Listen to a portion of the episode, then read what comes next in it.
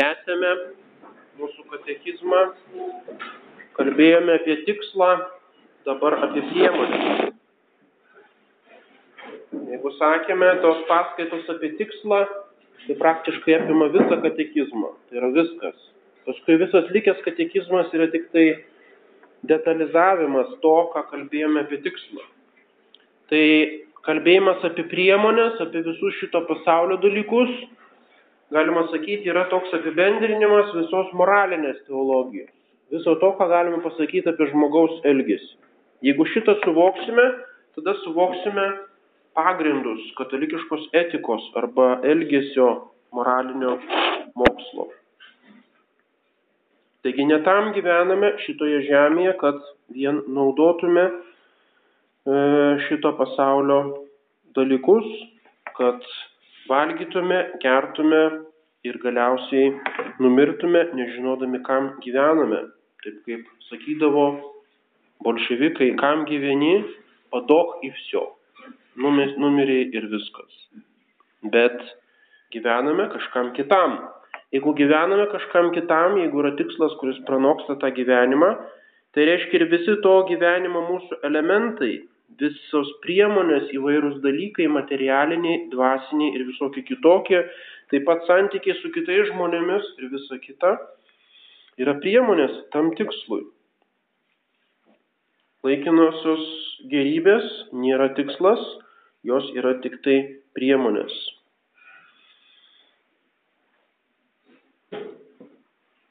Taip panašiai kaip tarnai, įsivaizduokime, kaip XIX amžių kur nors dvare tarnas gyvena. Jo visa užduotis yra tarnauti savo ponui, žiūrėti tuos namus, prižiūrėti namus. O jeigu jis tik tai žiūrės savo e, kažkokių savo uždarbio, kažkur išeis iš tų namų, kažką uždarbiaus, e, užsims kažkokiais kitais dalykais, jis paprasčiausiai neįvykdys savo, savo pašaukimo.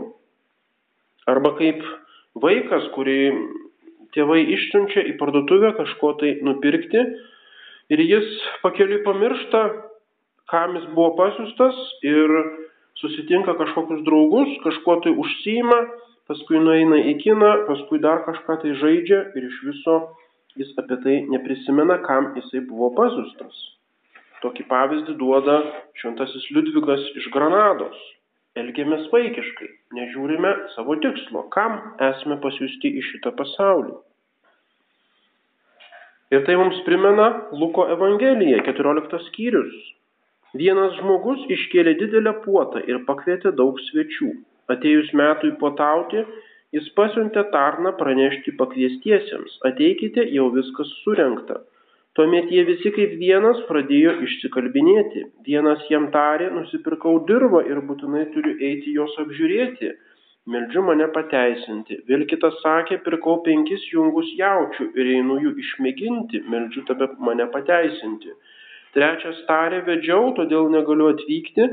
Tarnas sugrįžęs viską apsakė šeimininkui, sakau jums, ne vienas iš anų kviestų žmonių neragaus mano vaišių supykęs atsakė šeimininkas. Taigi e, pakvietimas į puotą tai nėra kažkoks tik tai pasilinksminimas, kad dabar mes visi dirbame kaime, o paskui kažkas tai pakviečia į kažkokias vaišės. Ne, ta puota tai yra bendravimas, tai yra ar tu priimi mane kaip žmogų, su kuriuo turi draugystės santyki, kuris kaip draugas draugą kviečia.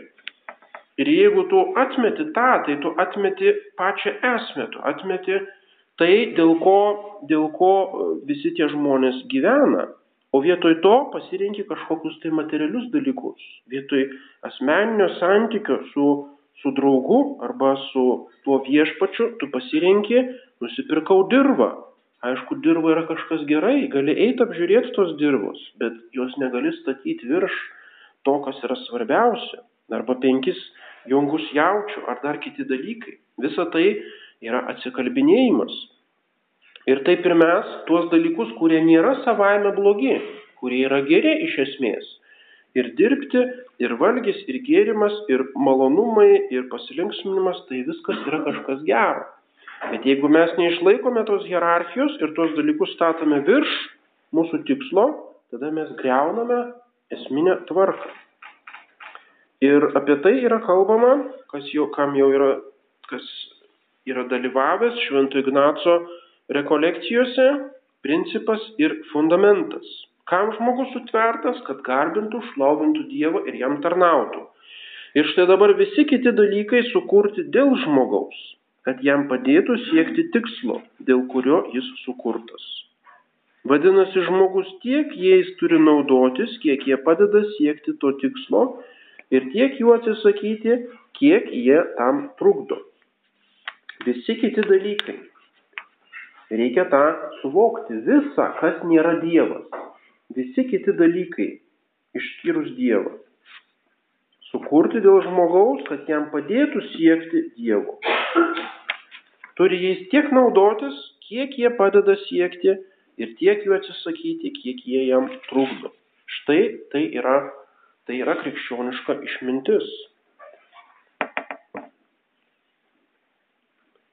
Tie, kas masto vien apie šitos žemės dalykus arba ypač apie materialius dalykus, kai jis numiršta ant jo kapo, galima parašyti. Čia guli kvailys, kuris nežino, dėl ko gyveno.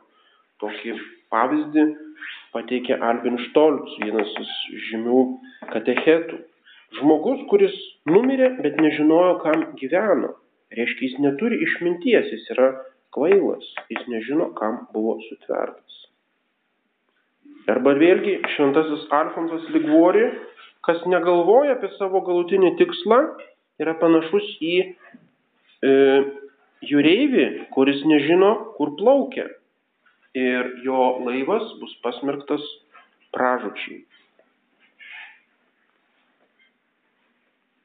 Kas negalvoja, ne tik tai apskritai nežino, bet negalvoja kiekvienu momentu, turi kiekvieną minutę apie tai galvoti, apie tą tikslą. Ne tik tai kartas nuo karto prisimins, bet galvodamas apie visus šitos žemės dalykus, turi iš karto tuo pačiu metu galvoti ir apie tikslą.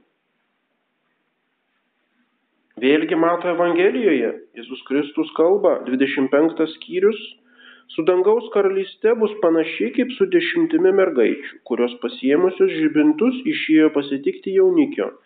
Penkios iš jų buvo paikos ir penkios protingos. Paikosios pasiemė žibintus, o nepasiemė alyvos. Protingosios kartu su žibintais pasiemė indose ir alyvos. Jaunikiai vėluojant, visos ėmė snausti ir užmygo. Ir tai baigėsi tuo, kad tos, kurios neturi alyvos, kurios neturi tų žibintų, reiškia, jos visiškai nepasitarnauja tam jaunikio atvykimui, toms vestuvėms, jos netlieka savo, savo pašaukimo ir to būdu, to būdu jos paniekina tą jaunikį. Jos užsnūsta, jos, jos ap, aplaidžiai žiūri į tai, kas yra jų pagrindinė, pagrindinė užduotis ir tada jos nepateks į tą įpuotą, praras, praras savo tikslą. Taigi tas, kas negalvoja apie tą tikslą, tose visose detalėse savo gyvenimo, tas nepasiruošia tikslų. Budėkite, nes nežinote, kurią dieną ateis jūsų viešpats. Supraskite ir tai, jeigu šeimininkas žinotų, kurią nakties valandą ateis vagis, jis budėtų ir neleistų jam įsilaužti į namus. Todėl ir jūs būkite pasirengę, nes žmogaus sūnus ateis, kai nesitikėsite. Budėkite, Tas būdėjimas nereiškia, kad negalima galvoti apie kažkokius žemiškus dalykus, ar negalima atsipalaiduoti, ar negalima e, paieškoti kokio malonumo ar išsiblaškimo. Tačiau esminis dalykas vis dėlto yra būdėjimas. Taip kaip kareiviai e, susigalvoja visokių, e, visokių išsiblaškimų ir taip pat pakaitomis miega ir polisiauja ir taip toliau bet jų esminė pareiga yra būdėti, kad priešas jų neuž, neužkluptų netikėtai. Ir tai yra tokia esminė krikščioniška gyvenimo filosofija arba toks e, e, esminis elementas krikščioniško gyvenimo, tasai budrumas, būdėjimas. neatidavimas viso savo dėmesio kažkokiems tai dalykams, kurie mus nukreipia nuo galutinio tikslo. Taigi šito pasaulio dalykai ir gerybės, turtai, kūno sveikata, malonumai, mokslas, garbė ir visa kita nėra ir negali būti galutinis žmogaus tikslas, kadangi pirmas argumentas, jie yra ne visiems pasiekiami. Kaip gali būti visos žmogaus prigimties arba visos žmogaus, žmogaus kaip tokio tikslas tai, kas nėra visiems pasiekiama. Retas žmogus gali pasidžiaugti, esas pakankamai turtingas, sveikas, mokytas, garsus, o daugumai kaip tik trūksta šitų dalykų ir galima būti turtingu, bet daugelis turtuolių neturi sveikatos arba nėra mokyti. Arba galima būti garsiu, bet e, vėlgi netrūkti kitų dalykų. Reiškia, kad visų tų gerybių žemiškų dalykų proporcingai būtų pakankamai, praktiškai nepasitaiko žmonių, žmonių gyvenime, kad visi turėtų tas, tas gerybės. Reiškia, jeigu jos praktiškai yra nepasiekiamos, jų visas komplektas, tai vadinasi, tai negali būti tvėrėjo nustatytas žmogu, žmogaus tikslas. Ir dažniausiai be jokios pačių žmonių kalties ir net nežiūrint didžiausių jų pastangų, žmonės nepasiekia tų dalykų. Ir koks liūdnas ir skaudus tada būtų žmonių likimas, jeigu mažai kas galėtų pasiekti savo galutinį tikslą. Tada būtų nelogiška. Reiškia, Dievas negalėjo nustatyti tokio galutinio tikslo. Antras argumentas - visi šitie dalykai nesuteikia visiškos laimės. Šito pasaulio dalykai ir gyrybės sužavi žmogų suteikia jam tam tikrą pasitenkinimą, malonumą, užsimiršimą, bet tik tai trumpai valandėliai. Ir visą laiką tas malonumas yra, e, yra sujauktas mm, tam tikro neramumo ar nepasitenkinimo ar tokio ne iki galo gavimo to, to malonumo. Netrukus žmogaus siela dar labiau nerimsta veržiasi į tai, kas dar aukščiau, tobuliau už šitą pasaulį, į kažkokius kitus dalykus, kurie pranoksta. Ir tą tokią bendrą psichologinę būseną šventasis Augustinas išreiškia žinomais žodžiais, sukūrė mūsų savo viešpatį ir nerami mūsų širdis, kol nurims tavyje. Kaip žmogus besistengtų, tas pasaulietis žmogus e, išsiblaškęs, paviršutinis, e, materialistas, bedievis ar koks nors, vis tiek nerami yra jo širdis, kol pasieks kažką aukštesnio, kol nurims tavyje. Taigi kaip žmogus besistengtų matyti tuose dalykuose savo tikslą, vis tiek jie jo nepatenkins. Jeigu kas nors visą savo dėmesį ir širdį nukreipia vien į to pasaulio dalykus, nors jų ir pakankamai turi, anaip tol tuo nepasitenkina, bet nori jų vis daugiau ir daugiau. Ir ypač tai rodo gopšumui arba garbėtroškai pasidavusių žmonių elgesys. Tas, kas turi milijoną, būtinai nori sekančio milijono ir taip toliau. Arba kas pasiekia kažkokią garbę, trokšta dar didesnės garbės. Ir čia nega, nėra nei galo, nei krašto. Reiškia, kokį laipsnį be pasiekti tie žmonės, jie niekada neranda juose tikro pasitenkinimo. Ir trečias argumentas, kodėl šito pasaulio dalykai negali būti galutinis tikslas, yra tai, kad jie yra nepastovus, nepatvarus ir galų gale nėra amžini. Tai yra laiko argumentas. Mažai to, ko tai reikia, kad žmogus netektų sveikatos ir turtų ir garbės, nors ir labiausiai stengtųsi visą tai saugoti ir ginti. Ir kaip dažnai viso to iš tikro netenka. Jei kas ir ilgesnį laiką džiaugiasi tomis gerybėmis, vis tiek galų gale ateina mirtis ir jas visas iš jo išplėšia. Ir visa tai visiems laikams, visiems amžiams. Ir todėl vėlgi žinoma, žin, žinoma Evangelijos vieta vieno turtingo žmogaus laukai davė gausų derlių. Jis pradėjo savo vieną svarstyti, ką čia man dabar padarius, neturiu kur sukrauti derliaus. Štai ką padarysiu, nugriausiu savo klojimus, statysiuosi didesnius ir juos sugabensiu visus javus ir visas gerybės, tada tarsiu savo sielai, mano siela, tu turi daug gerybių sukrautų ilgiems metams. Ir siekis valgyk, gerk ir linksmai pokeliauk. Ir kas liūdniausia, kad žmonės, kurie taip masto, jie dažnai visą savo gyvenimą praleidžia būtent tų klonų klojimų griovimui ir didesnių statymų.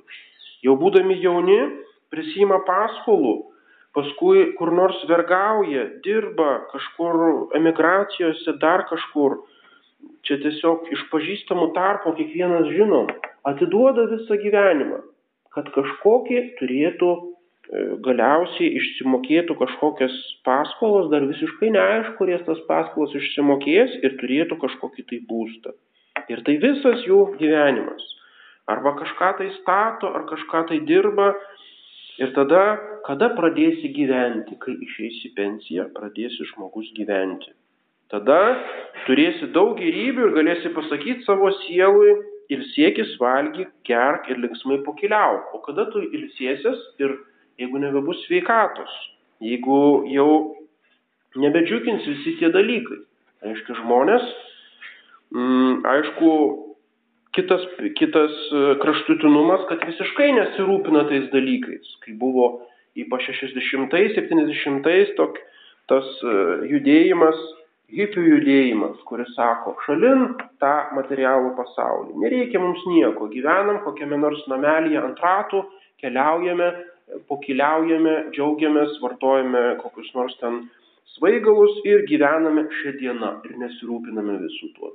Tai žinoma, tai irgi Tai yra vergavimas tiems dalykams, nekuriama šeima, nekuriami namai, e, nieko neduodama šitam pasauliui, tai irgi yra grina tuštybių tuštybė. Taigi turi būti ir to, ir to. Žinoma, reikia statytis tuos klojimus, bet nereikia atiduoti jiems širdies, nereikia dėl to pamesti religinio gyvenimo arba lomo pareigų ar kitų dalykų. Ir ką Dievas galiausiai sako kvaily, dar šią naktį bus pareikalauta tavo gyvybės, kamgi atiteks ką susikroviai. Taigi šito pasaulio dalykai, dalykai yra tik tai priemonės, jie negali būti tikslas. Ir vėlgi, panašus pavyzdys, jau vieną kartą tokį minėjome, toks atvejis atsitiko šventajam Pilypui Neriui. 16 amžiaus šventasis Pilypas Neris kalbėjosi su vienu studentu Romoje. Mm, Pranciškus Spacara, e, vėliau oratorijonas, klausė jo mm, studento, ką, ką veiki, ko, kuo žadi būti Sako, studijuoju, būsiu advokatas. Ir tada šventasis klausė, o po to? Ir studentas sako, paskui mm, dirbdamas užsidirbsiu pinigų, e, tapsiu gerbiamu Romos piliečiu. O paskui tada mm, pasistatysiu namus ir gyvensiu patogų gyvenimą iki senatvės. O tada Ir paskui studentas nebesugalvoja, nu tai ką darysi, tada reikės numirti. Ir tada šventasis Pilypas neris, o paskui, o kas bus paskui? Ir tada jaunuolis nebegalėjo nieko atsakyti. Tas klausimas, o paskui, o tada, o kas bus paskui, o kas galiausiai bus su tavo mokslai, su tavo turtu, su tavo nusavybė, su tavo visais dalykais. Kam visa tai, kur visa tai veda, prie ko kokio tikslo visą tai siekia. Ir tai veda mus prie minties, kad būtent visa tai yra ne tikslas, o tik tai priemonės.